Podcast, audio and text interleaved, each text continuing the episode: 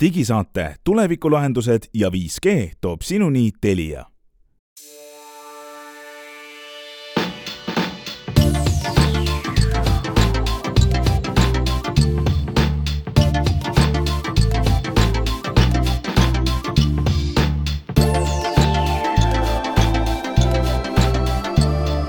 tere, head kuulajad, kahekümnes juuni aastal kaks tuhat kakskümmend kaks ja ilma nimeta digisaade on teiega. Imeilusas suves Eestis on äh, avanenud esimene päris 5G võrk esimesel operaatorilt, mis hinnaga sealt mida müüakse, vaatame üle. ja samal ajal on meie kullakallis riik teinud äh, põhjalikud mõõtmised üle Eesti, et vaadata, kui kiire internet kõigi operaatorite võrkudes praegu on. mis on oluline teada, et suveks valmistuda uus voogedastusteenus on Eestis ja kaherattaliste masinatega saab sõita elektri jõul väga vinget moodi, sellest kõigest räägime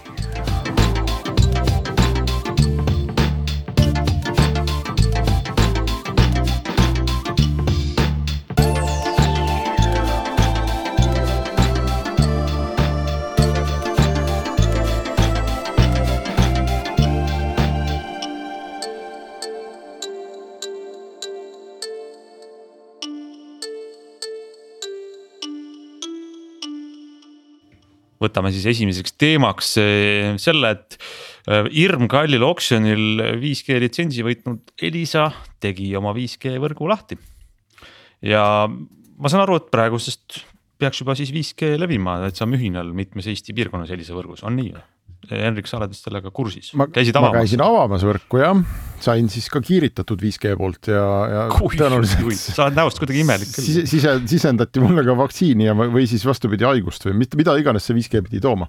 särad kuidagi. jaa, mm, no see on lihtsalt sellest, et päev on pikk olnud selja taga.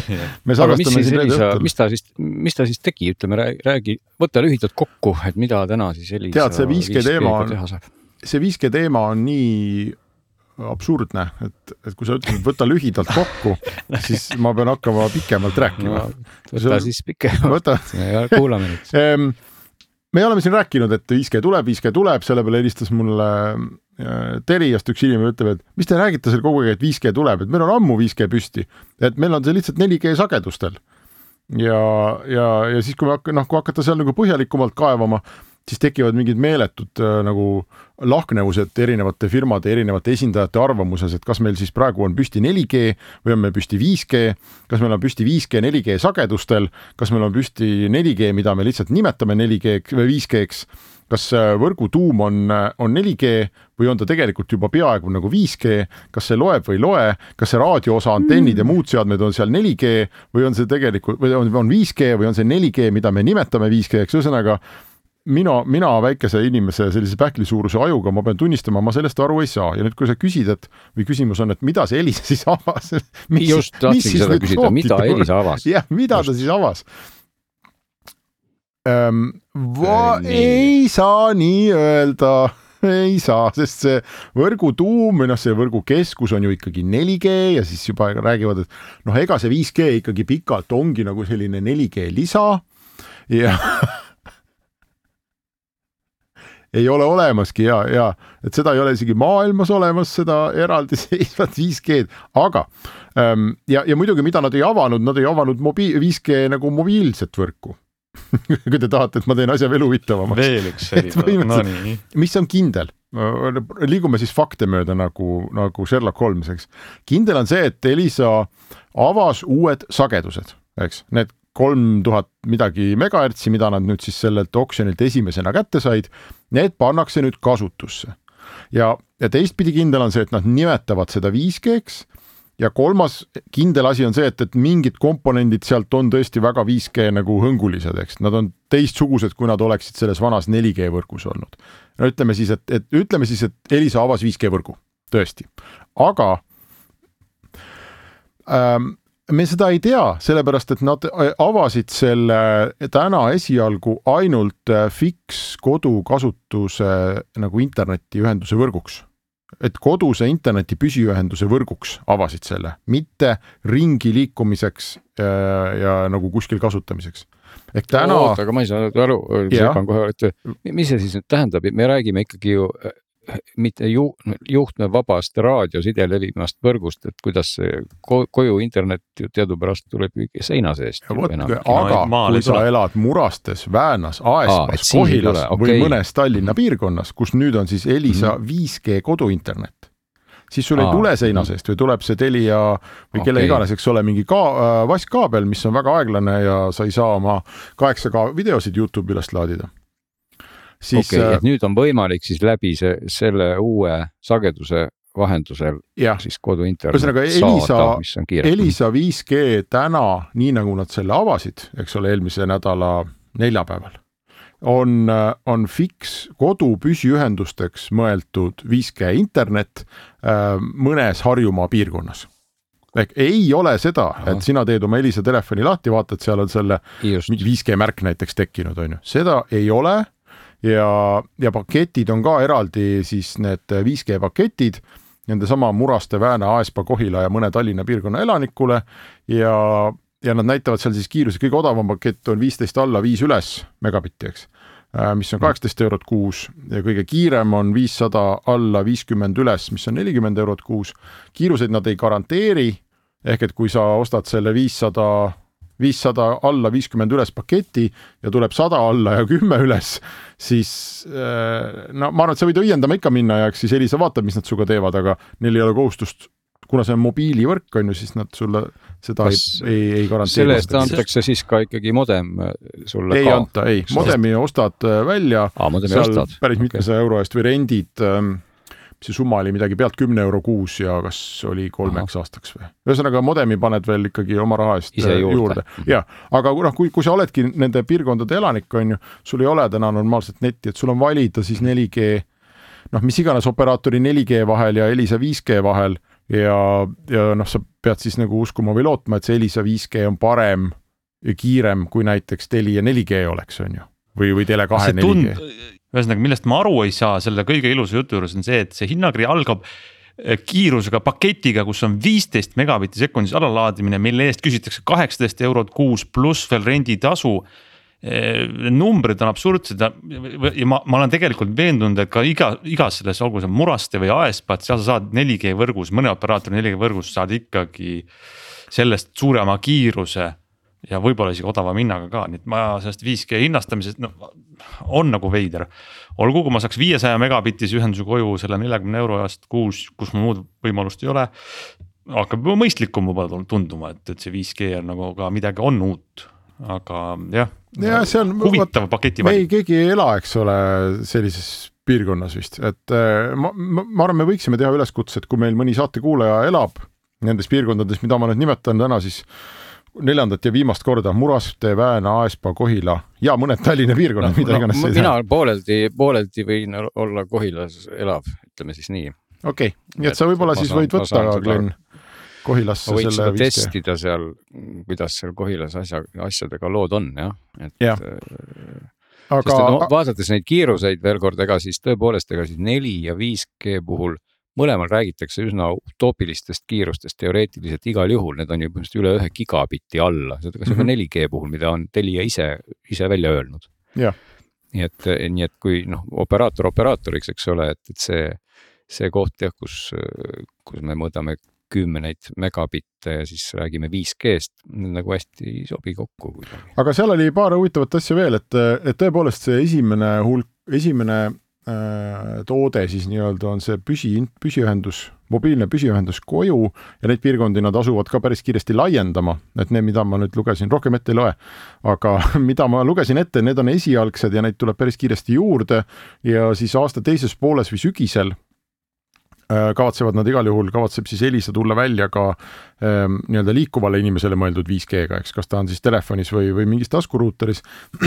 eelkõige ilmselt sihitakse telefone ähm,. ja, ja see on nagu selline aasta teise poole teema, aga, aga kes on nüüd mõelnud nagu mina juhuslikult, et, et noh, tuleb 5G, et suvel on palju liikumist, eks, et küllap siis äh, need raadiosaated ja Teamsi, Zoomi koosolekud ja kõik muud asjad lähevad sel suvel äkki lihtsamaks siis suhteliselt kindel on ma vähem, et vähemasti Elisa poolelt, et nemad nagu sellel suvel ikkagi mingisugust sellist laiemat 5G teemat liikuvale inimesele ei paku. ja, ja, ja veel viimane asi, mis ma tahtsin ära mainida. mida nad väidavad, mäletate, Elisa ju sattus kangesti sinna Huawei hammasrataste vahele, eks. et peavad siin, neil oli kõik ehitatud Huawei peale 4G ka ja, ja nüüd seoses 5G-ga siis nad väidavad, et nad äh, vahetavad välja kogu 4G ja vahetavad välja äh, tuli uute noh, kõige moodsama põlvkonna Nokia 4G seadmete vastu. Ehk ma ei tea, kas need, kui palju need seadmepõlvkonnad seal loevad või ei loe, aga kui noh, kui uskuda ja kui eeldada, et tänased, täna nii-öelda välja arendatud 4G seadmed on paremad kui ma ei tea, viis, kuus, seitse aastat tagasi välja arendatud 4G seadmed, siis no siis on teoorias nagu võimalik, et Elisa ka 4G võrk läheb senisest palju paremaks, aga esiteks sellest me juba kohe hakkame, ma arvan, rääkima natukene ja, ja teiseks mm -hmm. see on ka tama, selline asi, et eh, noh, küll me siis näeme, eks ole, et kas sellel mingi mõju on, aga igatahes Elisa vahetab jah, kogu oma 4G vastu äh, välja ka siis kõige uuema tehnika viimase sõna vastu, mis, mis 4G-s üldse pakkuda on. ja rohkem mina teile sellest 5G-st äh, kahjuks äh, rääkida ei oska. peale selle, et ootame siis, mida Telia ja, ja, ja Tele2 sel oksjonil teevad. oksjon käib oksjon käib ja saame vaadata, kui suure, kui suurt hinda makstakse teise ja kolmanda litsentsi eest. ja mina olin muide ikkagi, ma pean tunnistama, aga ma olin siin ka rääkisin, et ma olin täitsa kindel, et, et neil kõigil operaatoritel on üle-eestilised mingid 5G-d valmis ja ja Elisa vajutab nuppu, eks ole, ja meil ongi igalühel telefonis, kes on Elisa klient, on kohe 5G ja kõik, kõik nagu muutub, aga aga tundub, et nii kiiresti need asjad siiski mis iganes põhjusel ei käi. Ja, ja Elisa võtab seda asja ikkagi pigem väga ettevaatlikult just, aga vaatame, mida, ütleme, see selline duell operaatorite vahel on um, seda teravam olemasoleva võrgu puhul, kui me läheme rääkima nüüd internetikiirustest. ja lõppenud nädalal oli, oli parasjagu, kuidas ma ütlen skandaal, isegi võiks öelda skandaal selle kohta vist jah, et kellel siis on ikkagi kõige kiirem internet, mis sai alguse? äh, tehnilise järelevalve ja Tarbijakaitseameti regulaarsest mõõtmisest, mida nad on teinud äh, juba aastaid.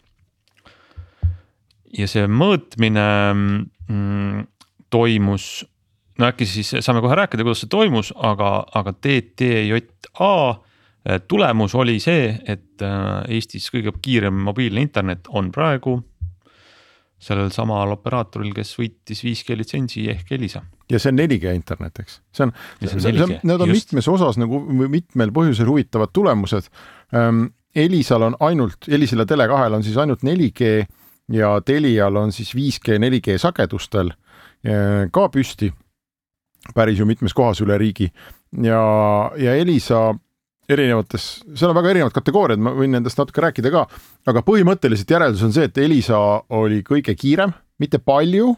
Telia on teine, vahed on väikesed, aga, aga Elisa on kõige kiirem ja seda vaatamata asjaolule, et A Telia on ikkagi kogu aeg tahtnud olla tehnoloogia liider ja selline võrgu kvaliteedi liider ja B, et Telial on 5G, mis teoorias peaks olema kiirem kui 4G ja see tehnilise, issand, mis see TTJA on, tehnilise tarb-, tehnilise tehniline järelevalve ja tarbijakaitse. Okay. amet, amet äh, kasutas ka 5G-d nendes mõõtmistes. Et neil on kenasti kaart väljas, kus nad näitavad erinevates punktides äh, toimunud neid mõõtmisi ja, ja kiirustulemusi. Ja kui Telial on olnud 5G levi, siis on seda ka 5G-s mõõdetud, eks. Ähm,. aga, aga tulemus oli siis selline, et nad äh,, äh kõigepealt nad sõitsid Eestis kolm tuhat kilomeetrit ja tegid äh, üle viie tuhande kuuesaja mõõtmise no põhimõtteliselt suuremad maanteed sõideti läbi kõik ja mõõtsid kõiki kolme operaatorit. ja, ja siis liikumise pealt valdavalt päeval, päevasel ajal tehtud mõõtmistel saavutas suurima keskmise allalaadimiskiiruse Elisa sada üheksa koma kaheksa megabitti sekundis. teine oli siis Telia sada kuus koma neli ja kolmas oli Tele2 kaheksakümmend viis koma null ja ma rõhutan siin sõna keskmine, ma vaatasin neid kaarte mm -hmm. ja, ja, ja te, teine asi, mida nad siis mõõtsid, oli, et äh, sada kuuskümmend üheksa statsionaarset või sellist seisu pealt tehtud mõõtmist üle Eesti. ja seal oli siis Elisa keskmine allalaadimiskiirus sada kuuskümmend kaks megabitti sekundis, Telia oli sada viiskümmend kolm koma viis ja Tele2 sada kaks koma kaheksa ehm, ja kõige suurema kiiruse saavutas äh, see mõõtmine siis Telia võrgus Viljandis kuussada seitsekümmend seitse megabitti sekundis. aga kõige parem üle, keskmine äge. üleslaadimiskiirus, kõige parem oli Tele2-l äh, ja Tallinnas oli see näiteks nelikümmend kuus koma kolm megabitti sekundis, aga keskmiselt mm -hmm. ka üle Eesti oli Tele2 kõige parem. ehk et ähm, vahed on väikesed, aga fakt on see, et Telia nendel, äh, nendel mõõtmistel võitis, äh, vabandust, Elisa võitis ja Telia saatis, äh, tegi sellise kur-, üsna kurja avalduse meediasse pärast seda, et see oli üks nõme mõõtmine, et, et noh, et kuidas saab nii olla, et tegelikult nemad ju tellivad rahvusvahelisi firmasid nagu see Ookla, kes teeb speed testi ja OpenSignal, kogu aeg mõõdetakse võrku ja, ja noh, Telia on alati mäekõrguselt kõigis üle olnud. Ja siis rullus lahti selline jälle see selline side segapuder, millest ma juba siin selle 5G puhul rääkisin, et üks räägib ühte, teine räägib teist ja sa mitte midagi aru ei saa. ehk äh, Telia ütles, et no kuidas nii, et meie mõõtmised on ju alati kõige kiiremad olnud, et noh, vaadake, et mis see speed test mõõdab, eks. ja siis tuleb Elisa ja ütleb, et no jaa, aga vaadake, TTJA-le anti piiramatu kiirusega SIM-kaardid ja, ja kui sa speed testi vaatad, inimesed kasutavad seda ise, noh, mõõdavad ise, testivad oma netikiirust, aga mm -hmm. neil on ju, võivad olla nagu piiratud kiirusega netipaketid või SIM-id telefonis, no mis inimestel igasuguseid pakette on, on ju. või pigem aga üks aspekt see, et inimesed tihti mõõdavad väga erinevate seadmetega, aga TTJA kasutab siis noh, konkreetselt täna kõige uuemaid üldse ehk siis selle seadme poolt ei tohiks olla mingit piirangut. aga seal Ookla ja OpenSignali puhul sul võib olla seal neli aastat vana iPhone või kuus aastat vana Samsung või midagi muud. ja, ja, ja tuleb tähele panna, et see TTJA ei läinud nagu äh, ise kuhugi, eks ole, mingi Lasnamäe putkasse ja ei ostnud mingit suvalist äh, telefoni ja ei hakanud sellega mõõtma, vaid kogu see protsess, kõik need seadmed ja SIM-kaardid, kõik olid operaatoritega kokku lepitud ehk et operaatoritel oli periood, kus nad noh, said ka nii-öelda vastulauseid esitada või noh, öelda, et mida selles protsessis nende arvates peaks teistmoodi tegema, et kuidas siis ikka täpselt mõõta. ja kõik kolm operaatorit olid lõpuks öelnud oma jah-sõna, kaasa arvatud Telia aga ma saan aru, et see, see tulemus oli üllatuseks nii see, et Elisa oli kiirem kui Telia, see oli üllatuseks kindlasti Telias, aga oli vist üllatuseks ka Elisa inimestele, et, et, et nemad ikkagi mm -hmm. nagu kõige kiiremad on ja, ja ma veel kord toonitan, et see on keskmine kui te neid tulemusi vaatate, nii neid liikumise pealt tehtud tulemusi kui, kui seisu tulemusi, siis äh, noh, siis need on piirkonniti nagu meeletult erinevad. mingis punktis on äh, noh, ma ei tea, Elisa on, on nelikümmend ja Telia on, on kakssada, eks ole, ja mingis punktis on vastupidi, siis on mingid terved lõigud maanteed, kus äh, Telial, Tele2-l pole praktiliselt midagi, Elisa kiirused on laes ja siis mingisugust sama maantee natukene hiljem on Telia laes ja teistel ei ole midagi, noh, see on tegelikult täielik mm -hmm. tohuvabohu ja no võib-olla siin parem näide on see, et, et Muhus oota, kumba pidi see nüüd oli, minu meelest oli äh, niimoodi, et, et äh, Muhus on Telia ülivõimsalt kõige kiirem. Ja siis, kui sa sealt natukene edasi sõidad, mis on siis viisteist kilomeetrit võib-olla, Orissaares on Elisa ülivõimsalt kõige kiirem ja Telia kõige aeglasem. Et noh, et see on ja see kiiruste mõõtmine ongi väga tänamatu tee, töö, eks, seda ongi võimatu kuidagi nagu eriti objektiivselt saavutada. ja mulle tundub, et nii nagu TTJA seda teinud on, see on tegelikult täitsa okei okay., et ta näitab midagi, aga, aga need keskmised on ka noh, need vahed on nii väiksed ja see sõltub sajast asjast, on ju, võrgu koormusest, kellaajast, mingist täpselt, kus sa oled selle levi suhtes ja, ja nii edasi. aga midagi see siiski näitab ja ma, ma, ma küll arvan, et Telial ei ole, ei ole siin et kui neil, kui Telial on nagu tõsiseid etteheiteid selle tehnoloogia või protsessi suhtes, nad peaks need välja käima. aga, aga lihtsalt niimoodi kuskil uriseda nurgas, et see ongi nõme mõõtmine et see, see nagu ei ole konstruktiivne. no Telia kasuks võib öelda veel nendele numbritele lisaks, mis sa juba ette lugesid, et et Tallinnas oli Telia siiski märgatavalt kiirem kui Elisa ehk sada kolmkümmend kaheksa versus sada seitse. ja, ja, ja, ja Tele2 kusjuures oli igal pool sama, Tele2 on kogu aeg seal kaheksakümne kandis keskmiselt ka Tallinnas ja, ja üle-eestiliselt. ja, aga ka neil et, oli piirkondi, kus nad ja, särasid te, üle teiste, eks ole, kõvasti, jah. et, et Peipsi ja, ja teiseks, teiseks ikkagi ja ei tasu ka unustada ära, et, et see üldise keskmise vahe Elisa ja, ja selle mm, Telia vahel oli ju marginaalne, see oli umbes, umbes neli protsenti, kui me nüüd arvutame, vist isegi vähem, eks ole. et, et seda küll jah et see Aga..., see päris kasutuses tegelikult ei, ütleme päris kasutuses ei anna see edetabel tegelikult mitte, mitte midagi tark, ka väga ju teada ikkagi, see sõltub väga palju täpselt, kus sa asud, kus mm -hmm. sa liigud. ja see keskmine on natuke samasugune asi, et kui sa toas paned pliidi peale poti ja siis on külmkapp ka lahti, siis toa keskel on keskmine temperatuur, eks ole jah, no nii ongi no, just et jah. nojah, võib-olla ütleme, keskmine on kasulik selles mõttes, kui sa oled liikuva eluviisiga inimene, siis vaata, millisel on operaatoril üle Eesti keskmiselt parim kiirus, kui sa väga ja. oled paigal, siis pigem vaata, kus on sinu kus kiirus operaatoril parim on ju. mis mulle tegelikult avaldab muljet, on see, et kuskil Eestis on võimalik saada telefoniga peaaegu null koma seitse gigabitti ühendus äh, siis üle õhu et see on nagu väga ja mis, mis ei ole siis veel, ei ole siis 5G, ma saan aru, eks ole, me räägime ju 4G. aga võib-olla, sest see on. see videos võis olla ka 4G, kui nad äh, mõõtsid. muide, mis telefoniga TTJA mõõtis, ma vaatasin järgi, ma ei tea, kas te vaatasite? ei vaadanud, valgusta meid. ma lasen teile arvata, viis sekundit võite mõelda, ka head kuulajad no pakkuge, mis. ja muide, ma ütlen, et see äh, Telia äh, Viljandi rekord oli siiski 5G-s. ja see on väga saatanlik, kuus, kuus, kuus megabitti sekundis näitavad siin Äh, et see on 5G-s jah äh, nii, aga Hans, telefoniga saab? ma ei tea no,. pakkuge, pakkuge bränd kasvõi mõlemat ja vaatame, vaatame, kas te aimate ära või. kas Samsung, mina pakuks Samsungit Samsung või Nokia, no nii, ja telefon, millega siis testiti, oli Sony Xperia üks kolm. ahah, okei okay.. mitte kumbki neist. nii et selline. mis iganes põhjusel see siis oli, seda me ei tea aga no, äh, mis on huvitav äh,, Elisa pani lahkelt oma pressiteatega kaasa ka Äh, mobiilse interneti keskmise allalaadimiskiiruse graafiku läbi aastate ja kui see nüüd siis nende võrgus äh, tänavu oli sada üheksa koma kaheksa megabitti sekundis, siis eelmisel aastal oli see kaheksakümmend kolm koma kaks, veel enne seda oli see neljakümne ümber, kaks tuhat kuusteist oli see kolmekümne ümber ja kaks tuhat viisteist oli see kahekümne ümber. noh, ja enam-vähem niimoodi kõigil, eks, et, et see kasv on olnud äh, Elisa kasv on olnud kõige kiirem, aga kõikide operaatorite äh, tulemused on aastast aastasse hüppeliselt paranenud. ehk et kui me vaatame siin äh, Teliat aastal kaks tuhat viisteist keskmine oli kolmkümmend kaheksa alla, siis nüüd oli sada kuus, eks, et, äh, et ka igas võrgus on see kasv olnud väga-väga kiire. on küll, jah. ja see põhjus, seal taga on loomulikult võrgutehnoloogia areng ja, ja ma nüüd võin, ma arvan, et see on sobiv koht, kus ma võin välja tuua oma väikesed mõõtmised, mille ma tegin nii reedel. konkurentsiks kõigile suurtele. kõigile suurtele, kes mõõdavad üle Eesti, sõidavad kolm tuhat kilomeetrit, mina ei sõitnud mitte kuhugi, mul oli üks statsionaarne mõõtepunkt.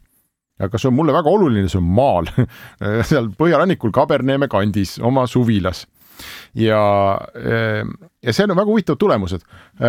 iPhone kaheteistkümne sees olev Telia kaart allalaadimine seal, korraks sain isegi sada kolmkümmend üks kätte, aga üldiselt allalaadimine oli seitsekümmend megabitti sekundis umbes ja üles läks kümnega.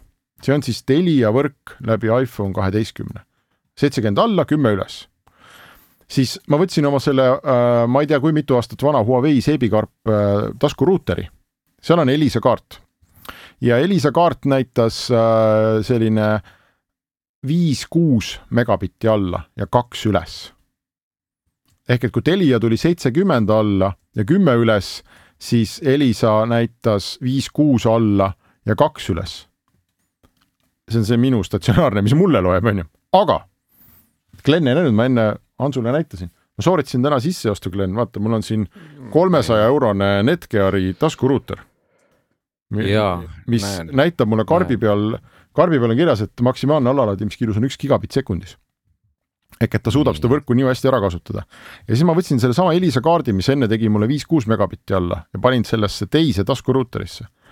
ja tulemused olid sellised, et Elisa on üheksakümmend megabitti alla ja kolm-neli üles ehk et allalaadimiskiirus kasvas, ma ei, mis, mis peast ütleme, viisteist korda või no mis tõestabki seda, et, et need Ookla ja OpenSignal ja mis need testid on, kus iga inimene oma seebikarbiga tuleb, see sõltub kõik sellest, et mis Mil, arvustus mi, sul on.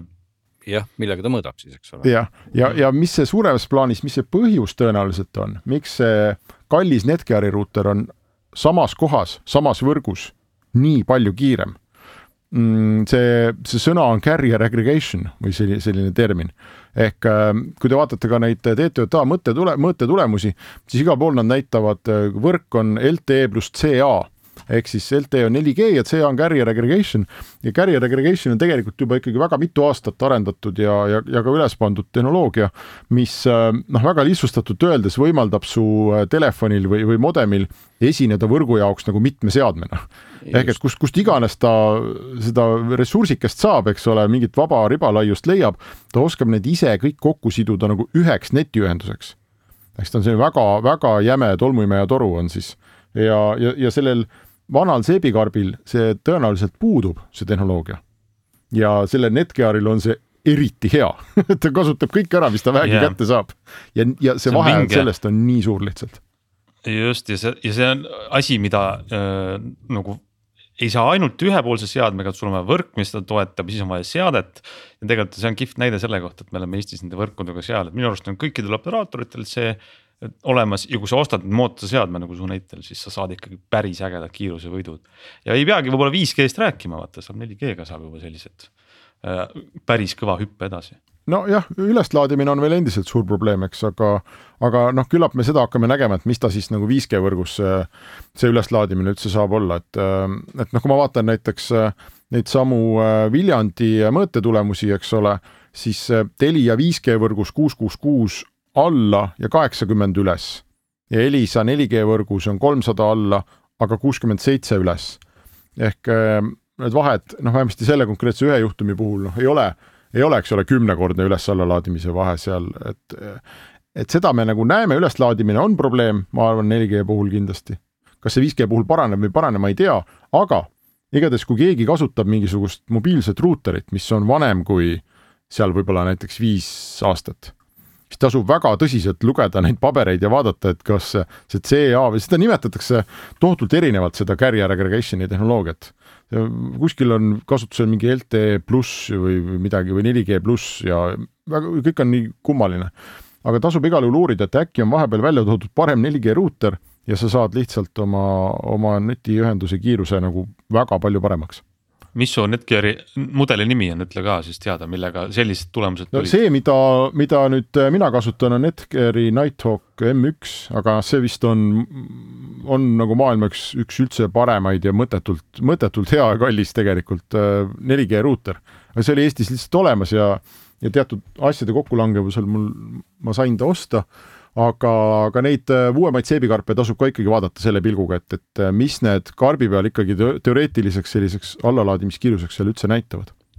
no aga igal, igal juhul äh, ma ütleks, et võiks ju sellise tarbija nõuandena öelda, et, et kui, kui viibida kusagil, kus ei ole internetti ja arvata, et piisab mobiilide andmeside kiirusest, siis oleks ikkagi palju mõistlikumgi panna sinna selline pisikene ruuter, mis wifi'ga jagab seda internetti ja see on üks asi, aga, aga, aga ütleme, see, kes nüüd kuulab seda Henrico Nighthawk M1 ja vaatab seda hinda, mõtleb kallis, siis tegelikult.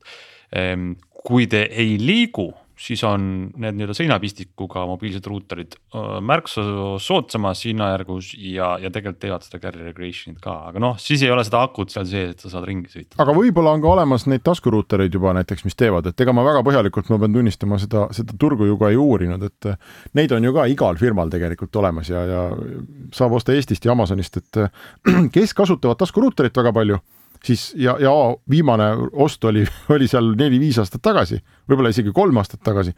ma soovitaks minna vaatama, et mis, mis seadmega sul ikkagi tegu on, et kas ta on kaasaegne või ei ole.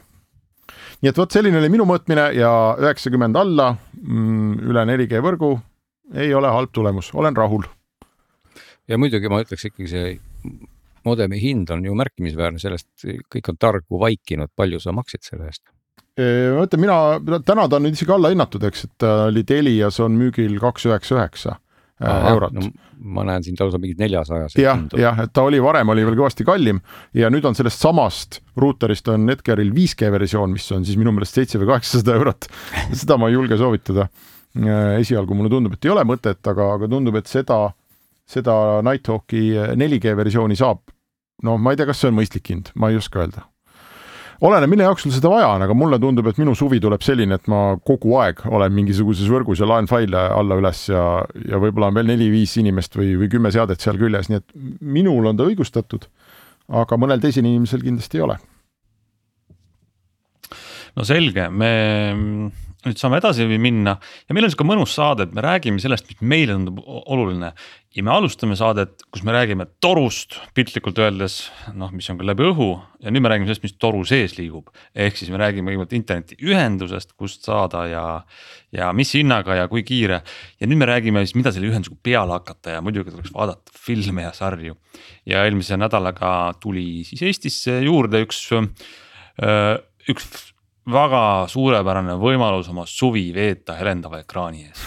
terve suvi. teete selle halva otsuse, ei käi ujumas ja rabas ja õues päikse käes, vaid tahate vaadata midagi, siis nüüd Disney pluss äh, täidab teie päevad, sest et Disney plussi, nagu me vist talvel või millalgi oli kuulda, selline eelinfo juba liikus, siis nüüd suvel Disney pluss äh, tegigi Eestis lahti oma teenuse nii, Ants, räägi, sina ja... vist oled meil kolmest ainuke no., kes on seda vaadanud, jah? Kohe võtsin konto ära, kohe tegin, ei olnud mingit prooviperioodi pakkumisi, midagi, kohe võtsin selle teenuse ära, mõtlesin, et tuleb ju, tuleb ju järgi vaadata. Ja ja mõnes mõttes mul ei ole midagi üllatavat öelda, see on täpselt see, mida, mis on nagu karbi peal kirjas ja seest tuleb ka välja ka, ehk siis Disney plussis äh, esiteks, mis ta ennast kujutab. sisu on noh äh, formaat või tehniline pool on täpselt nagu Netflix brausid või sirvid seal kataloogi, vaatad asju, sul võid erinevad kasutajaprofiilid teha. panna lapsele võib-olla mingid vanusepiiranguga asjad endale kogu kataloog. mis üks eri, eriline aspekt on äh, ma ei tea, kas see on alguse selline stardi eripära või see ongi nende paketeerimise valik, aga ainult üks hind on kaheksa eurot kuus. Äh, võib osta ka aastapaketi, aga ei ole selliseid nagu nii-öelda trepiastmeid nagu Netflixil kus on äh, vaatajakohad ja siis äh, pildi kvaliteet ehk selle kaheksa eurose Disney plussi sees on kohe täitsa 4K kvaliteediga, kui vähegi see film on selline. nii et selles mõttes teeb nagu selle ostmise lihtsamaks. okei okay,, tähtsad et, küsimused, kas eesti keelt ja. on subtiitrite või pealelugemise või mis, mis iga või kasvõi menüüdes või filmi kirjeldustes, kas sa kohtasid mõnda eestikeelset lauset või sõna mm,? Las ma nüüd meenutan, krediidi, krediitkaart, maksed võib-olla internetipangas oli, aga ei. aga, aga kuidas filmidega lood on, kas seal on eesti keelt? ei, kõik on ing-, mitte inglise keel, kõik on rahvusvahelised keeled, suured keeled, kõige Just. lähem meile soome keel, aga, aga eesti keelt ei ole. subtiitrites eesti keelt ei kohta? ei, ei, ei, ei maksa loota.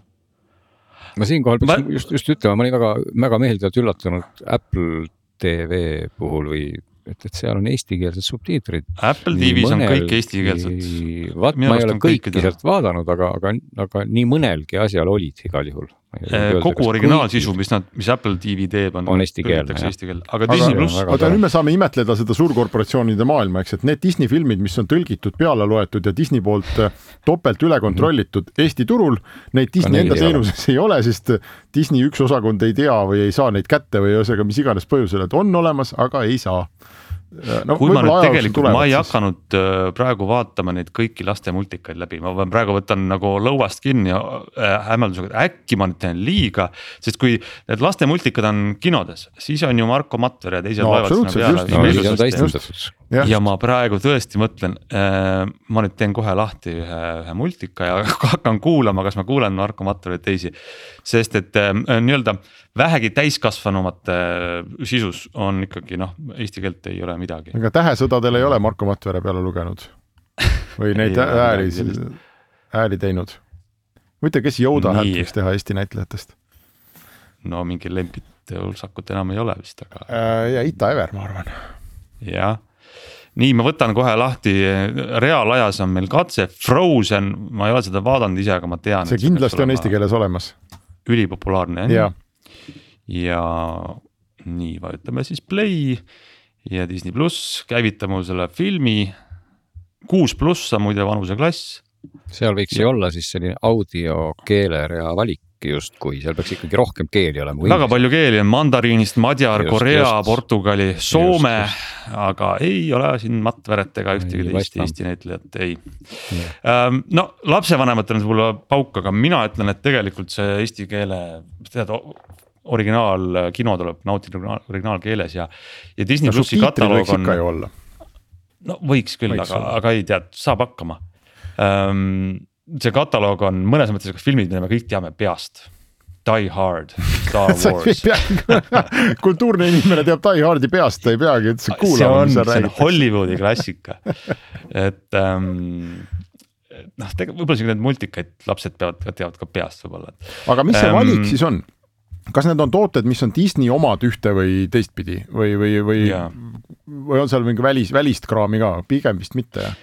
Ei, see, see pigem märksõna nagu eestlase nagu mõttemaailma vaatenurgast öeldes on see Hollywood ehk siis kõik Ameerika kino, et tegelikult ma vaatasin Netflixis on päris palju isegi Euroopa asju rohkem ja ka Briti sarju ja filme. Aga see on ikkagi puhas Ameerika. nii heas kui halvas mõttes, et, et noh, tegelikult see, no see Die Hard on nagu selline etalon ja, ja see on nagu see näide sellest, et see Hollywoodi action klassika, mis tuleb võib-olla TV3-st jõuluõhtuti, et noh, sealt on kõik seda saada ja see on, see on äge natukene alternatiivsemat kraami ka, aga see on ikkagi Ameerika, et see on Ameerika alternatiiv um, kas seda pakutakse ka sulle midagi, prooviks ka või sa pead ikkagi kohe selle kaheksa eurot maksma? kohe kaheksa eurot ja kuuks ajaks, nii et. et mingisuguseid tasuta, tasuta pakkumisi ei ole, jah? ei, aga noh, tead kõik Simsonite kõik hooajad ja nii edasi, et noh, mõnes mõttes. mulle tundub, et sa oleksid, sa oleks nagu palgal seal, seal kanalis ei ole või? ei, ma palgal ei ole, aga ma olen kindlasti selline kinogurmaan, kes äh, tead, hindab head päevapraadi. Ja see on, see on sihuke päevapraad, noh, see, see ei ole kõrge kunst, aga ta on selline noh, tead meie tänapäeva popkultuuri A ja O on seal aga samas ma ütlen, ma ei saaks elada ainult Disney plussiga, et Netflixi valik on ikkagi rikkalikum, laiem. Äh, aga seal ei ole neid Disney meeldivad. asju jälle, okei okay,, kas, mis on, mis on kuulsad Just. Disney asjad, ma ei tea, Tähesõjad, eks ole, nad ostsid selle Lucasfilmi ära. kas, kas Mikki Hirt on näha? muidugi väga palju, alates kõige, kõige esimesest üldse see mingi Steamboat Willie või noh, kogu klassika siis äh, noh, kõik lastefilmid, mis pähe tulevad, on ju Pixar, Marveli eriägedad tüübid, äh, National Geographic ja nii edasi, et ähm, et seda äh, valikut on ja. no National Geographic asjad on sellised täitsa sellised päris, päris ja kuidas ma ütlen siis nagu päris huvitavad suurtele inimestele, eks ole. Ei no absoluutselt jah. et, et need noh, need, et kui, kui lihtsalt nagu keegi kuulab, kes võib-olla on äh, nagu kaugem ja nimi Disney seostub justkui ainult sellise lastekraamiga, siis kaugeltki see nii ju ei ole. Ei, seal on ju noh, õudus, ulme, põnevikud, kõik, et äh, selles mõttes on ta Disney ei ole mitte lastega see seos, vaid see on popkultuur, see on see klassikaline Ameerika popkultuur. Mulle see meeldib, aga see kindlasti ei ole piisav, et Netflixis on äh, nagu sellist ka rahvusvahelist kraami, nagu ma ütlesin. ja ma valin siis nagu korraks ülevaateks, et mis mul veel valikus on. Disney ja Netflix, kaks tükki nüüd Eestis. Me juba rääkisime Apple TV-st, ma olen tegelikult, mul on ka selle tellimus, ma olen tegelikult väga suur Apple TV originaalsisu fänn, ma ütlen, et seal on kõige parem originaalsisu Uh, slow võin, horses, kohe reklaamin, aeglased hobused, vaadake, super asi. jah, mulle ka väga, väga meeldis see nende kuu seriaal For All Mankind oli see vist või mm, -hmm, ei eksi mm, -hmm. ka täitsa ajakohane et nad tegelikult on noh, kuidagi imelik öelda, et ma vaat-, tundun siin endale nagu täitsa hulluna, aga, aga kolm, kolm tellimust katavad siis kolm sellist rahvusvahelise tele ja filmisisu ära. ma just mõtlen, Ants, et sinu elustiil on kallis, et kuidas, kui, sa vaatad oma pere eelarvet, et kas sulle noh, tegelikult ilma naljata, ma, või ma ei töga, vaid ma päriselt mõtlen, et kui sa need kõik kokku liidad, eks, ja paned oma, tõenäoliselt on sul mingi Eesti teletellimus ka või ei ole või et kuidas sa Just. vaatad neid kulusid, et palju sulle tundub, et, et tänapäeval moodsale linnainimesele on siis mõistlik nende erinevate striimingu teenuste peale kulutada, et no äkki Spotify ka veel no, jälle kümnekas juurde ja. just, perepakett, no seal on niimoodi, et Apple TV tuli mul näiteks ühe Apple'i seadme ostuga kaasa. see tuleb Selle aastaks siis... muideks. just, et, et kui see nüüd läbi saab, ma pean nüüd mõtlema, mis ma nüüd teen. Disney ma võtsin alguseks kolm kuud suvel ja siis, kui ma olen selle Hollywoodi selle asja nüüd ära turgutanud, jälle vaadanud, võib-olla ma seda ei hoia, sest ma tegelikult nii väga ei fänna seda. Netflixis tuleb uut kraami, Eestis on veel Amazon Prime video. No pff, vabandust, üldse ei juleta uudiskünnist, see on ikkagi igavus. ja siis on ju meil äh, tohutu plejaad Eesti oma striimingu teenuseid, ma hakkan lugema Telia Play, Go3, Elisa Hub koos elamusega Viaplay, Apollo tv ja lõpetame Jupiteriga, et kuus kohalikku, no viimane on tasuta, aga noh. jah, et need on sellised nagu klassikalise tele, tele, teleteenuse, ma ei tea, asendused või osad, nii et ehk mina ütleks, et äh, tegelikult võiks ju hakkama saada ühe Eesti, kui sedagi ja, ja siis ühe või kahe rahvusvahelise striimingu teenusega. mina muide, ma arvan, et see on sobiv koht rääkida, et ma ikkagi tegin oma ähvarduse teoks, mida ma siin ka mitmes saates olen rääkinud ja ja loobusin äh, sideoperaatori digiboksist ja, ja läksingi selle Go3 teenuse peale üle. Äh, peamine põhjus ongi seesama, et ta elab mul teleris ja ma sain lahti ühest äh, jubinast, mis mulle ei meeldinud, võtab ruumi, võtab voolu, kogub tolmu, pult on kadunud. et ta, et see Go3 on nüüd mul teleris. Ja ma olen, ma olen väga rahul muide esialgu, sest äh, äh, number üks, ma saan sealt kogu spordi.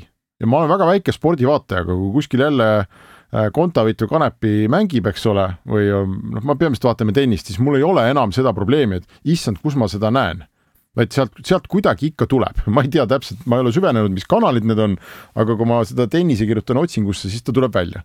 Äh,. punkt kaks, neil on päris hea ka Disneyga koos tehtud lastefilmide valik, nii et lapsed on rahul. Et nad näevad Go3-st oma Disneysid. Ja punkt kolm on see, et kõik see, mida me noh muidu vaatame seal, ma ei tea, Terevisiooni ja Ringvaadet, eks, et see Eesti osa on nagu ka olemas ja, ja ta on enam-vähem töökindel olnud isegi, ma seda kartsin kõige rohkem, et, et see on mingi teleka äpp, eks ole, et võib-olla ta jookseb kokku ja ei tea, mis temaga üldse saab. üks hommik oli, kus ta oli mõne tunni maas ja siis äh, Go3-st saabus ilus vabanduskiri ja ütles, et nende, see oli kuidagi väga armsalt sõnastatud, ma ei mäleta, aga see oli umbes nii, et meie kõike näinud spetsialistid äh, nägid öö otsa vaeva ja põhimõtteliselt tegid korda ja veel anti veel mingit filmikrediiti.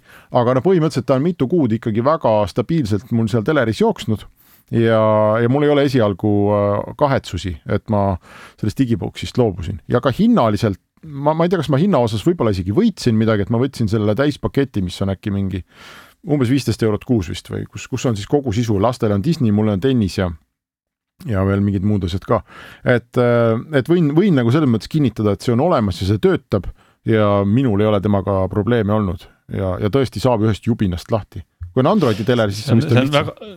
ma tahan öelda vahele, et see on väga hea, et sa mainisid praegu, sest sinu juttu kuulates tuli mulle meelde, et mul on ka veel eurospordi tellimus, streaming mm. -hmm mida ma enam ei vaata ja ma pean selle tühistama. aga ma, ma küsiks hoopis veel, tahtsin siia vahele küsida, et see ikkagi tähendab, kui noh, me räägime ikkagi kas siis teleka äpist praegusel juhul, eks ja, ole. Äh, aga ja. kui, kui sa oled selline vanem või tehnikakaugem või mis iganes inimene, kes mingites äppides väga ei orienteeru, siis äh, küsimus kohe laiemale ringile, et, et kuidas üleüldse, kuidas sa, Hans, kõiki neid oma suurepäraseid voogedastusi telekast vaatad, mis tehnilise lahendusega sa teed? Hans kui vanem inimene, kes nendes äppides hästi ei orienteeru, et ei, katsu nüüd vastata. nõusta vanemaid inimesi kes ei orienteeru, et, et kuidas Tele... sa neid, et sest vanemad inimesed ei taha kindlasti vaadata neid mobiiltelefonist ega arvutist ei, vanematele inimestele ma ütleksin seda nõu, et tegelikult tulebki telekas valida selle järgi, kus on äppide tugi. no nii, aga kui, kui, kui sul äh, on telekas juba ammu valitud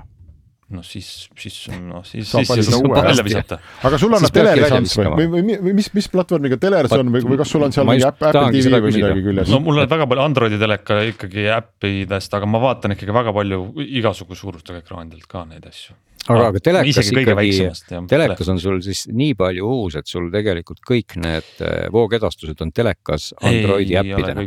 ei ole, ei ole, näiteks mul ähm, mul ei ole uuemat Apple TV-d ja Apple TV-d ma vaatan sülearvutit. aa, okei okay aga, aga ma tegelikult kuluks ära üks korralik nii-öelda uus setup, kus siis läbi mõelda, mida, mis teenust, ehk siis kui ma praegu mõtlen enda peale ja tegelikult on see nõuanne siis nendele, kes valivad, et mõelda läbi, milliseid neid voogedastusteenuseid sa tarbid. kui palju sul on Eesti asju ja Eesti kanaleid ja, ja, ja välismaised ja siis vaadata selle nii-öelda nende äppide järgi, et millist telekat mul on vaja. kas ma võtan selle Samsungi, kas seal on näiteks Apple TV sees või ei ole, kui ma vaatan seda või on seal Disney pluss või ei ole. Ehm, noh, Samsungis ütleme Disney pluss ja Netflix on ikkagi väga levinud, on ju et pigem on küsimus siin nagu, kas on Apple TV ja kas siis on Eesti, ma ei tea e, ERR-il on ju oma. aga ütleme, et kui Jupiter. sa ei taha osta uuemat telekat, millist nõu sa siis annad? vaat hea küsimus, sa paned mu kohe sihukesesse olukorda, et ma pean natuke tegema uurimustööd, ma arvan, et siin on mingi digiboks, mis äh, võib lahendada need. ega on olemas ju igasuguseid Androidil põhinevaid digibokse, ma Just. ei ole neid ise testinud, ma ei oska sulle öelda no, mudelit, nad ei ole väga kallid ja, ja, ja nad jooksevad kõik Androidi peal, eks, ja ja seetõttu nad, no ma arvan, et paljugi on võimalik, kui sa sellise ostad no mina kasutan selle koha peal, et lihtsalt ühe näitena, mul on tegelikult mingi mhm. igivana Apple TV, mis on suhteliselt igivana teleri küljes. ja, ja sinna Apple TV-sse ma saan tegelikult nii, nii, nii arvutist kui ka siis iPadist põhimõtteliselt peegeldada ju kõiki. ma saan peegeldada ükskõik mis äppe olgu nad siis AirPlayst, aga siis sul, sa ei Just. saa seda soovitada, sest siis sul peab olema kõrval laptop, kus sa võtad mingi asja lahti ja hakkad seda peegeldama no,. seda küll, aga, aga see on ka selles mõttes ikkagi lahendab ära minu jaoks väga kergesti selle probleemi, et ma ei pea vaatama seda, mida iganes ma vaatan ainult siis oma arvutist või nutiseadmest. seda küll ja, ja minu jaoks ka lahendab, aga kes tahab endale telekasse lollikindlat süsteemi, no siis sa ütled, et ta peab ostma ka selle arvuti sinna kõrvale või. ei, ei no. selles mõttes ma ei, ma ei, ei tahagi öelda, et see oleks nagu mingi hea lahendus, mida hakata nullist mm, ostma aga see on nagu üks lahendus, kui sa ei taha oma telekat kohe välja vahetada ja kui sul juhtumisi on Apple'i seadmed ja sa ei tea, mis asi on Apple TV, siis tegelikult eh, ka see noh, mul on see ajast ja arust olemas ja, ja ma siiamaani olen rõõmsalt üllatunud, et see tegelikult töötab eh, väga hästi ka sellises kontekstis. et loomulikult aga... siin on, siin on ka muid, muid Androidi baasil lahendusi, millest võib-olla peakski siis täitsa eraldi rääkima aga tead, nüüd ma tõmban siia kõva kriipsu vahele, sellepärast et Disney plussist sai meil jutt otsa ja me võime siin rääkida pikalt oma televaatamisharjumustest, aga.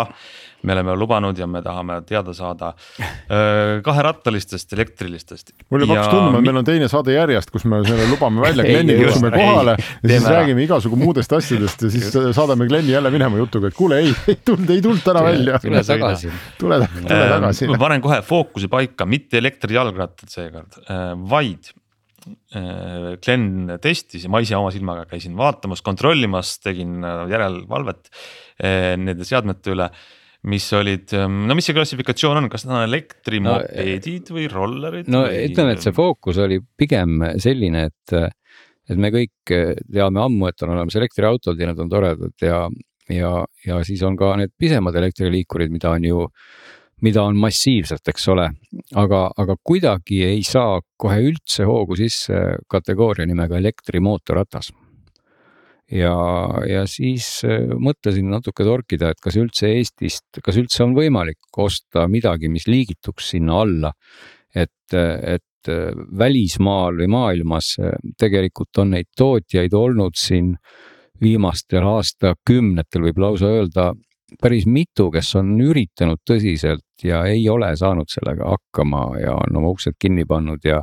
ja neid tootjaid on ka täna ikkagi, kes ei ole veel uksi kinni pannud ja kes teevad täiesti päris mootorratta sellistele noh, ütleme sarnastele näitajatele vastavaid äh, masinaid ja, ja ka neid ka müüvad suhteliselt ulmeliste hindadega, paraku neid pole Eestis saada.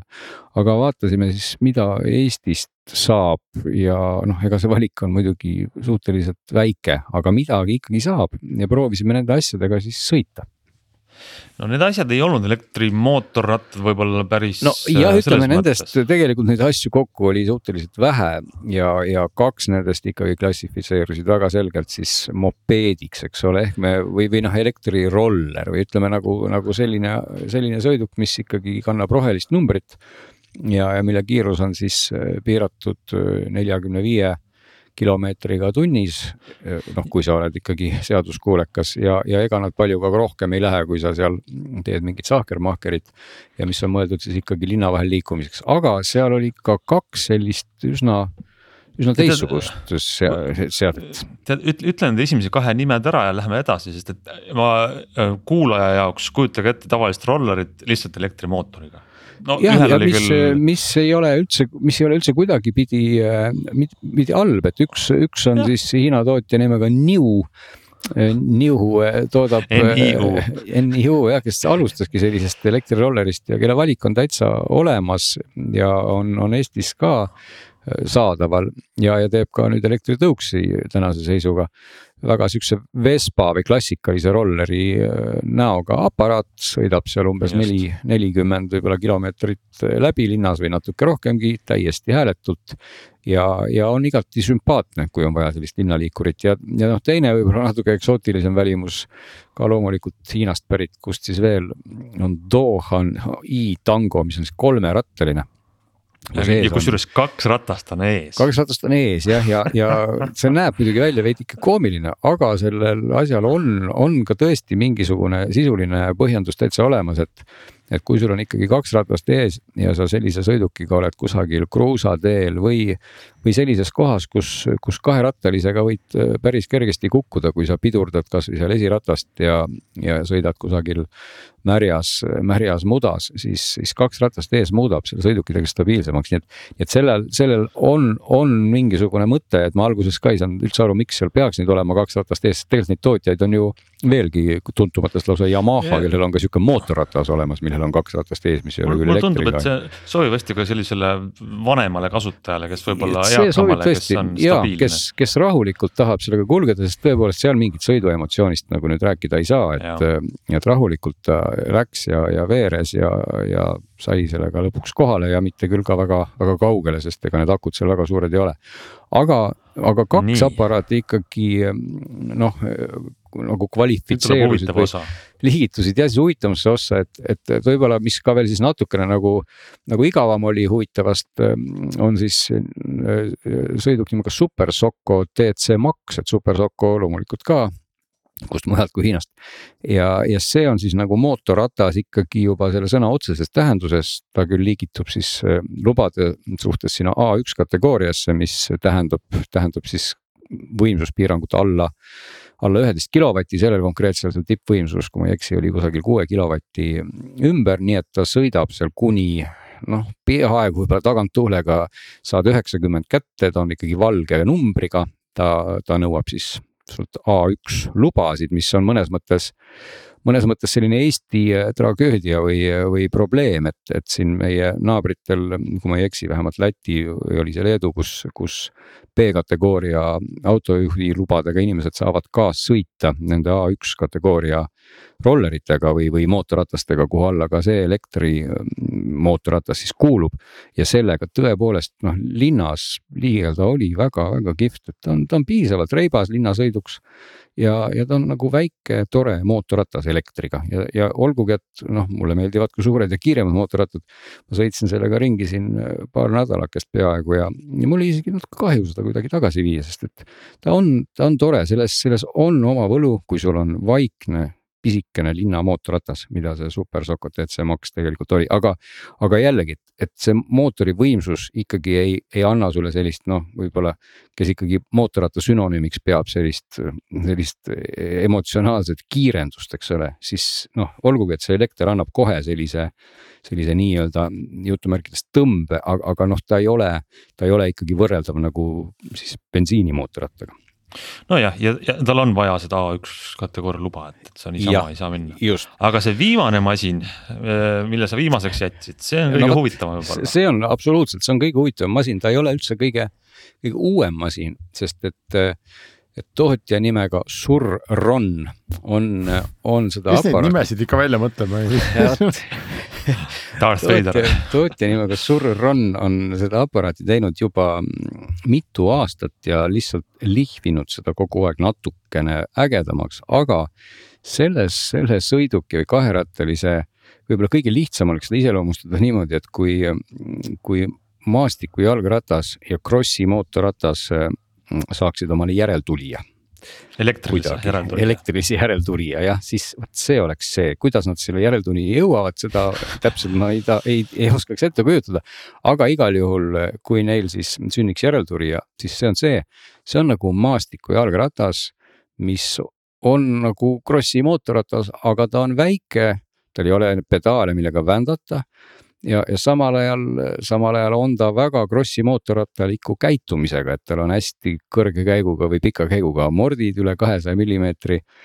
et, et see sõit nagu oleks pisikese krossi mootorrattaga või nagu hästi, hästi siis sellise vedrustatud maastikujalgrattaga, et maastikujalgrattal nii kahtlemata sellise käiguga morte pole ja kõike seda asja siis lükkab edasi ka kuue kilovatine peal, peaaegu, äh, ei vist oligi kuus, sellel oli ka tipp, tippkilovati võimsusega mootor. ja kuna see ratas ise kaalub alla viiekümne kilo, siis ausalt öeldes see noh, see, see minek nii-öelda, mis tal ikkagi kohalt siis sinna kusagile nelja-viiekümneni on. noh, kergema sõitjal on see ohtlik, et, et, et seal on ikka esiratas õhus, kui sa oled hooletu. et see, see kiirendus on kohe ilma ka mingisuguse plärina ja mürina ja suitsuta.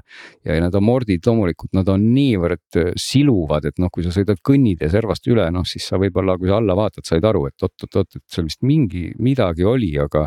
et põhimõtteliselt äh, on ta nagu noh, ta on nagu nii, kui need teised asjad olid, nagu ma ütlesin, et selline emotsioonist jääb puudu, siis selles aparaadis ongi ainult üks, ainult emotsiooni üleküllus, et see on. no ma olen sinuga on..., ma olen sinuga nõus, sest et ma, ma tulin ja sain sellele peale istuda ja sõita ja sellel on üks probleem, et, et kui sa istud, sõidad, ta on nagu äh, jalgratta pealt tulijale piisavalt väike ja mõnus käepärane, aga samas piisavalt võimas, et olla ikkagi mootoriga masin aga probleem on selles, et sa sõidad mööda asfaldit ja siis kohe tahaks, ma sõidan siit läbi pargi otse sinna majani sest sa, see on nii pehme nagu hõljud mingi asja peal, et sa sõidad üle äärekivid või mügarikud. ja kõik see vedrustus su all teeb selle ära ja sa vaikselt lähed. ja isegi seal peal olles tuul mühiseb, aga, aga noh, ma seisin siis kõrval ja vaatasin, kuidas Glen sellega minust möödus isegi seda mingit heli peaaegu ei ole, mingi vaikselt mingi mees hõljub kiiresti läbi pargi see on absurdne asi. ja no tema selle, sellega või kuskil metsal krossi rajal sõita, eks ole, et, et ma, ma ei, isegi ei tahakski mõelda täna, et kui ma oleks juhtumisi teismeline eh, siis, siis ma ju peaks selle saama, et mis, mis teeks ja. minu isa või ema ja, ja ilmselt eh, noh, see on, see on täitsa nagu kohustuslik asi, sest et äh, sellega sõites tekib varem äh, või hiljem ilmselt olukord, kus sa ikkagi ennast vigastad, ükskõik kui vana sa oled, sest et äh, ta lihtsalt sunnib sind järjest kiiremini sõitma kusagil liivaaukudes, kus iganes, eks ole, et mäest üles, alla, puude vahel, kuskil rajal. et, et miks, miks just see ratas nagu nii, nii võib-olla emotsiooni ja, ja kõige rohkeks osutuski ongi see, et, et kui need teiste puhul ikkagi elekter on tulnud nagu äh, juba sellise olemasoleva kategooria sisse, eks ole, et me üritame nagu teha siis mootorratast, mopeedi, mopeedi, elektrilist, rollerit elektriga, tõukeratas, noh ka põhimõtteliselt vanasti tõukasid jalaga, nüüd on elekter. aga see konkreetne aparaat, see Surron, vot sellist asja polegi olnud olemas, seda pole ole, olnud olemas siis bensiinimootoriga ega ilma mootorita, see ongi olemas ainult täpselt sellisel kujul. ehk see on täiesti uus kategooria, kus, kus on ideaalselt nagu saanud nagu kokku selline ülevalt poolt elektri suurem võimsus ja altpoolt sellise sellise nagu ratta väiksus. et, et seda olekski võimatu teha bensiinimootoriga, siis ta lihtsalt noh, see, see ei, see ei, ei töötaks. jah, ja ma vaatan täiesti uus kategooria. Surroni maaletooja isegi siin reklaamib nii seda kui elektrimootorrattana ja BMX-ina ja, ja see on selle pro valdkonna probleem ja ka tohutu võlu, et need vanad kategooriad nagu üldse hästi ei klapi, ta nagu ei ole BMX, ta ei ole ka mootorratas aga tänu sellele, et sul on võimalik teha võimas mootor ja aku paigutada väiksesse raami, siis sa saad teha mingisuguse liikuri, mis on selle mikromobiilsuse nagu selline äge tulemus. jah, sest noh, ega põhjus, miks need elektrimootorrattad tegelikult ei ole, ei ole jutumärkides lendu läinud, ongi ikka selles samas, samas võrrandis, mida on noh, tänase seisuga väga raske lahendada. ja seal võrrandis on siis akude hind, akude maht, suurus ja, ja kaal ja kõik see kokku panna, siis, siis väga raske on mootorrattale seda, seda ideaalset kombinatsiooni leida, sellepärast et suurel kiirusel on mootorrattal suur õhutakistus, kulub palju elektrit, see vajaks suuri akusid, suured akud on rasked, nad on kallid. ja see on selline olukord, kus ikka tuleb see, see sein ühelt või teiselt poolt vastu, aga sellise pisikesema, väikesema sõiduki puhul saab ikkagi nagu sellest noh, seda, seda barjääri ei tule vastu, sa ei pea panema sinna nii üüber suurt akut, sest need kiirused tegelikult ei ole väga suured, see konkreetne surr on ikkagi. noh, kui keegi nüüd tahaks siin selle jutu peale küsida, et mis need, mis need kiiruslikud näitajad on, siis kui sa temaga kusagil maastikul sõidad ja ise oma surma eest vastutad, siis sõidab ta kuni kaheksakümmend kilomeetrit tunnis mida ei ole üldse vähe. Ja, ja, ja noh, ta ei olegi mõeldud siis loomulikult matkamiseks äh, maailma ühest otsast teise, eks ole, ja. ja selle läbisõit on noh, kui sa tõesti seal äh, mägede, mägede vahel nii-öelda kuuma annad, siis on see umbes neli, viiskümmend kilomeetrit, kui sa tõesti sunnid ennast rahulikuks ja tahad teda tarbida nagu võib-olla natuke ka transpordivahendit, saad sõita kuus, seitsekümmend või isegi veel rohkem. ja akupakk ei ole teab mis suur ega raske, sikutad selle sealt keskelt välja, kui tahad, see põhimõtteliselt raam on õhuline et see akupakk moodustabki sealt kõige suurema osa, saab laadida seda siis seal ratta peal, saab võtta selle sealt välja. et see, see on nagu veel sellises ideaalses kohas oma, oma hinnalt, oma suuruselt, oma võimekuselt. et noh, ajada seda suuremaks, siis, siis lähevad kõik asjad kohe suuremaks. muideks sama firmaga Surron ikkagi ajab loomulikult suuremaks, et nad on ka juba siin nüüd presenteerimas, kui ma ei eksi, sel aastal välja toomas ka veel suuremat siis Krossi mootorratast, mis on ka elektriline.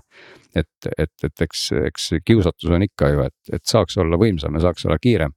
aga, aga selle, selle puhul ikkagi jah, kui seda juttu kuulates tundub, et, et miks me sellest nii pikalt ikkagi räägime, siis, siis kui võimalik on, võtke, vaadake kodulehelt ja võib-olla saab seda ka kuskil proovida või näpuga katsuda, et on Eestis täitsa olemas.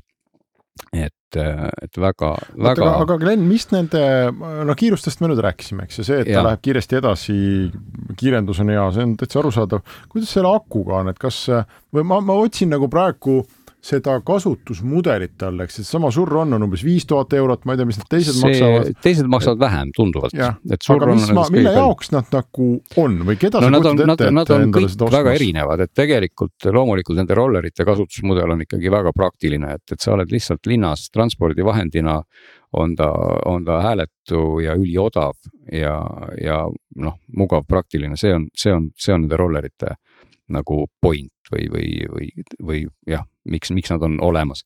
sellel elektrimootorrattal on ka ikkagi noh, juba kombineerib ta natukene siis sellist äh, praktilisust versus sõidu, sõidu feeling ut või, või tunnet, eks ole, aga see Surroni nagu, nagu esma, esmaroll on lihtsalt olla selline adrenaliinipauk. no loomulikult sa võid temaga sõita ka ju poodi. sa võid temaga sõita ühest kohast teise ja, ja see on ka väga lõbus ja teda saab siis võtta registrisse nii rohelise numbriga kus on siis need suunad, tuled, peeglid, kõik vajalikud asjad küljes. et siis ta liigitub selliseks asjaks, millega siis sa peadki sõitma loomulikult sõiduteel, sa ei tohi siis sõita, sõita kõnniteel, eks ole, või kergliiklusteel. aga teda on võimalik ka osta siis nii-öelda, nii-öelda maastikusõidukina või, või, või asjana, mis ei ole siis registris sõidukina mis annab sulle siis noh, lihtsamalt võimaluse igal pool metsa all sellega kimada, aga, aga siis ei ole sa legaalne jälle kusagil, kus on avalikud teed. nii et see on nagu siis kasutajate või ostja otsus, et, et kas ta, kumba varianti ta tahab seda siis saada, et see numbristatud variant on, on seal paarsada eurot kallim, eks ole. aga jah, sellele küsimusele vastates, see on nagu jah, esma, esmakohal on seal emotsioon. ja, ja noh, ma arvan, Erik, kui sa sellega sõita lihtsalt prooviksid, vot siis sa saad aru, miks me siin nii vaimustuses oleme et.... ei, ma sellest ma saan ka ilma sõitmata, kui ma jah. tahaks väga proovida, aga ma saan põhimõtteliselt ja. aru, aga ütleme sel hetkel, kui rahakotist peab viis tuhat välja minema, eks siis Just, hakkan mõtlema, et mis ma temaga mõtled, siis nüüd teen ikkagi. täpselt see nii on, et ega, ega noh, ma, ma julgeks arvata, ega täna üheksakümmend, viis protsenti nende rataste klientuurist, mida Eestis on müüdud, muidugi kümneid, et päris palju, on ikkagi teismelised poisid et see on see koht, et issi, tahan ratast ja eriti halb on nendel issidel, kellel poisse on peres mitu, sest et ega ei saa ju ühte osta, eks. et, et, et nii see on, et ega ilmselt jah, võib-olla vanemad mehed võib-olla, kellel ka rahakotiga ei ole probleeme, ostavad selle tõesti selleks, et aeg-ajalt käia nii-öelda ennast maha laadimas kuskil metsas sellega. aga, aga, aga see ei ole see, millega jah, vanem inimene sõidab poodi, eks ole, et see, see ei ole nüüd see ratas kindlasti sina kujutad, sina oled meil ju igasuguste mitte neljarattaliste nagu fänn, et kas sa kujutad ette ennast mõne, mõne sellise peale raha kulutama? no ma või, kujutaks või, või ennast ja ma no selle Surroni peale ma kujutaksin, kujutaksin ennast väga hästi raha kulutama, aga, aga ma suutsin ennast nagu maha jahutada sellega, et ma vigastan ennast selle aparaadiga noh, pigem varem kui hiljem et, et ma, ma tean, ma käisin ju sellega ka praegu, eks ole, siin mööda Nõmme metsa natukene ringi noh, mühistamas ja see, see lihtsalt, sa teed sellega absurdseid asju, noh, kui sa, kui sa võib-olla ei ole ka mingi krossi sportlane ja, ja ei ole selline maastikurattahunt siis, siis ta lihtsalt ahvatleb sind piire proovima ja, ja noh, siis sa varem või hiljem ju kukud ja. ja kui sa ei ole enam võib-olla esimeses nooruses kukkunud, ma ei tea, no võib-olla see ei ole nagu hea mõte, et. et ma, ma, ma kuidagi proovisin selle mõttega ennast, ennast äh, lohutada, lahti saada sellest, sest tõesti, temaga oli üliäge sõit ja võib-olla noh, teine koht oli tõesti see, et, et kui sa noh, et kui ma seni üherattaliste ja kõigi teiste nende liikurite puhul nagu olen enda jaoks ikkagi üritanud kombineerida seda, seda nagu niisugust praktilisust ja emotsiooni nagu ühte aparaati, siis tõesti selle Surroni puhul noh, mul on natukene küsimus, et noh, et kas ma nüüd sõidan siis sellega nüüd poodi või et, et kus ma siis ta panen, et kas ma noh, käe kõrval teda ei vii. okei okay,, ma jätan ta sinna poe ukse taha, siis panen mingi rattalukuga kinni, aga noh, viis tuhat eurot ikkagi, et. et ta on noh, ta, ta on selline asi, mida on ju nii lihtne võtta kellelgi kaasa, noh erinevalt suurest mootorrattast, mida sa kuskile kaubikusse ei viska, eks ole et mul oleks nagu võib-olla mure teda niimoodi tarbida väga praktiliselt, aga, aga, võib-olla see on lihtsalt minu peas kinni, et ma olen paranoiline, et, et. et tegelikult ei oleks asi võib-olla üldse nii hull, eks ole, aga, aga, aga ma seda kujutasin ennast väga hästi ostmas, aga lihtsalt ega see hind muidugi ei ole ju noh, ei ole nüüd liiga õnneks, väike. Õnneks pani mõtlema. et, et aga, aga, aga see on, see on väärt, sest need, need päris elektrimootorrattad, mida kahjuks Eestis, Eestis saada neid ei ole, aga need maksavad seal kahekümne viie, kolmekümne tuhande kandis, eks ole, muide kõige lähem nendele ja mis on ka Eestis müügil, mis ei ole küll mootorratas, aga, aga võib selle jutu peale ka veel kindlasti ära mainida, on ju BMW, kes, kes teeb sellist väga tulevikulise nägem-, välimusega elektri siis ka rollerit, aga, aga mis ikkagi oma suutlikkuselt on täiesti mootorratas, näeb välja nagu kuskilt äh, Star Warsi filmist. Ähm, et, et sellega ma kahjuks ei saanud veel sõita, aga, aga äkki see hetk saabub ka, kui sellega saab sõita, et see on ka Eestis täitsa olemas.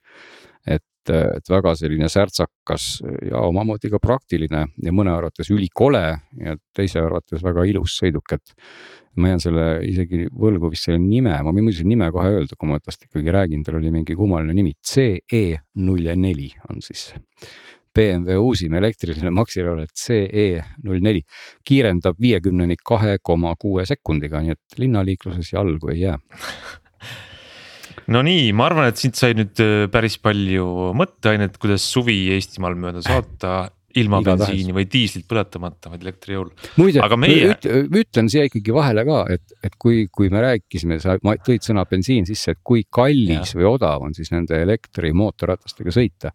väga odav vist ja et ütleme keskmiselt nii see surr on, kui siis ka, kui siis ka see super Socotissi maks, et, et noh, elektri puhul väga oleneb see täpselt, et kui palju sa kiirendad ja kui suurest mäest sa parajasti üles sõidad, aga, aga ütleme niimoodi keskmisena nagu vihjates siin muudele keskmistele, millest tänastes saates juttu on olnud. umbes neli, kolm-neli kilovatt-tundi siis saja kilomeetri peale. nii et kui kilovatt-tunni hinna nüüd igaüks vaatab oma elektriarve pealt või on tal hoopis päiksepaneel katusel või mis iganes, siis sada kilomeetrit saab läbida ikkagi noh, sentide eest. euro, euroga või vähem või oleneb, et mis ja, hinnad, tänapäeval on hinnad natuke rohkem, aga. no ja ei no ikkagi, ikkagi vähem, alla euro ja, ja, ja, ja, ja noh, see, see. aga kas see aku peab ka sada või palju need akud siis nüüd ikkagi peavad, kui ma mitte ei vurrita mäest üles-alla, vaid tõesti lähen saja kilomeetri kaugusele poodi, kas no, ma jõuan kohale nendel? Nendel kahjuks küll jah, ühelgi ta päris sadat ei pea, ütleme, et sellel, sellel Super Soco mootorrattal iseenesest kui sa suudad temaga väga rahulikult sõita, siis sa saadki sellega sada hakkama, seal on, seal on kolme koma kahe kilovatt-tunni naku, nii et kui sa sellega pingutad, äh, pingutad sada ära, siis sa oled veel säästlikum. et linnas, linnas minul jäi selle mootorratta puhul keskmiseks kogu aeg äh, seitsme-kaheksakümne vahel ja maanteel umbes neli-viiskümmend aga, aga linnas võib-olla saaks tõesti hakkama, aga nii, et sada tuleb sellest ühest akust välja. no ühesõnaga Keil, Keilast Tallinnasse tööl käia on kahtlane no edasi-tagasi on kahtlane, aga sa võid see aku laadimis. edasi, edasi saab või? edasi saab, no ütleme, et kui sa lähed no. tööle ja siis võtad selle akupaki eh, laadima, sa võid sellest ka välja sikutada, kui sa tahad, eks ole. et noh, sa saad, saad, saad seda laadida, eks ole, aga, aga, aga jah, ühe otsaga niimoodi käia mm, on natuke kahtlane jah, et, et täna sealt seda sadat nagu välja ei tule, aga, aga noh, kilomeetritest on ikkagi, ikkagi on üliodav, et kui kellegi jaoks see see on oluline, kui odavalt ta siis kusagile liigub ja hakkama saab, siis eh, noh, ükskõik kui palju see elekter maksaks, tundub, et bensiini hind ikkagi transpordis läheb ikka elektrile eest ära, kahjuks või õnneks kogu aeg. aga laseme oma kuulajad nüüd kihutama või sõitma või kõndima või mida iganes nad teevad. Ja oodake meid tagasi järgmine nädal jälle, suvi läheb edasi, meie saade läheb edasi ka, olge mõnusad ja aitäh kuulamast!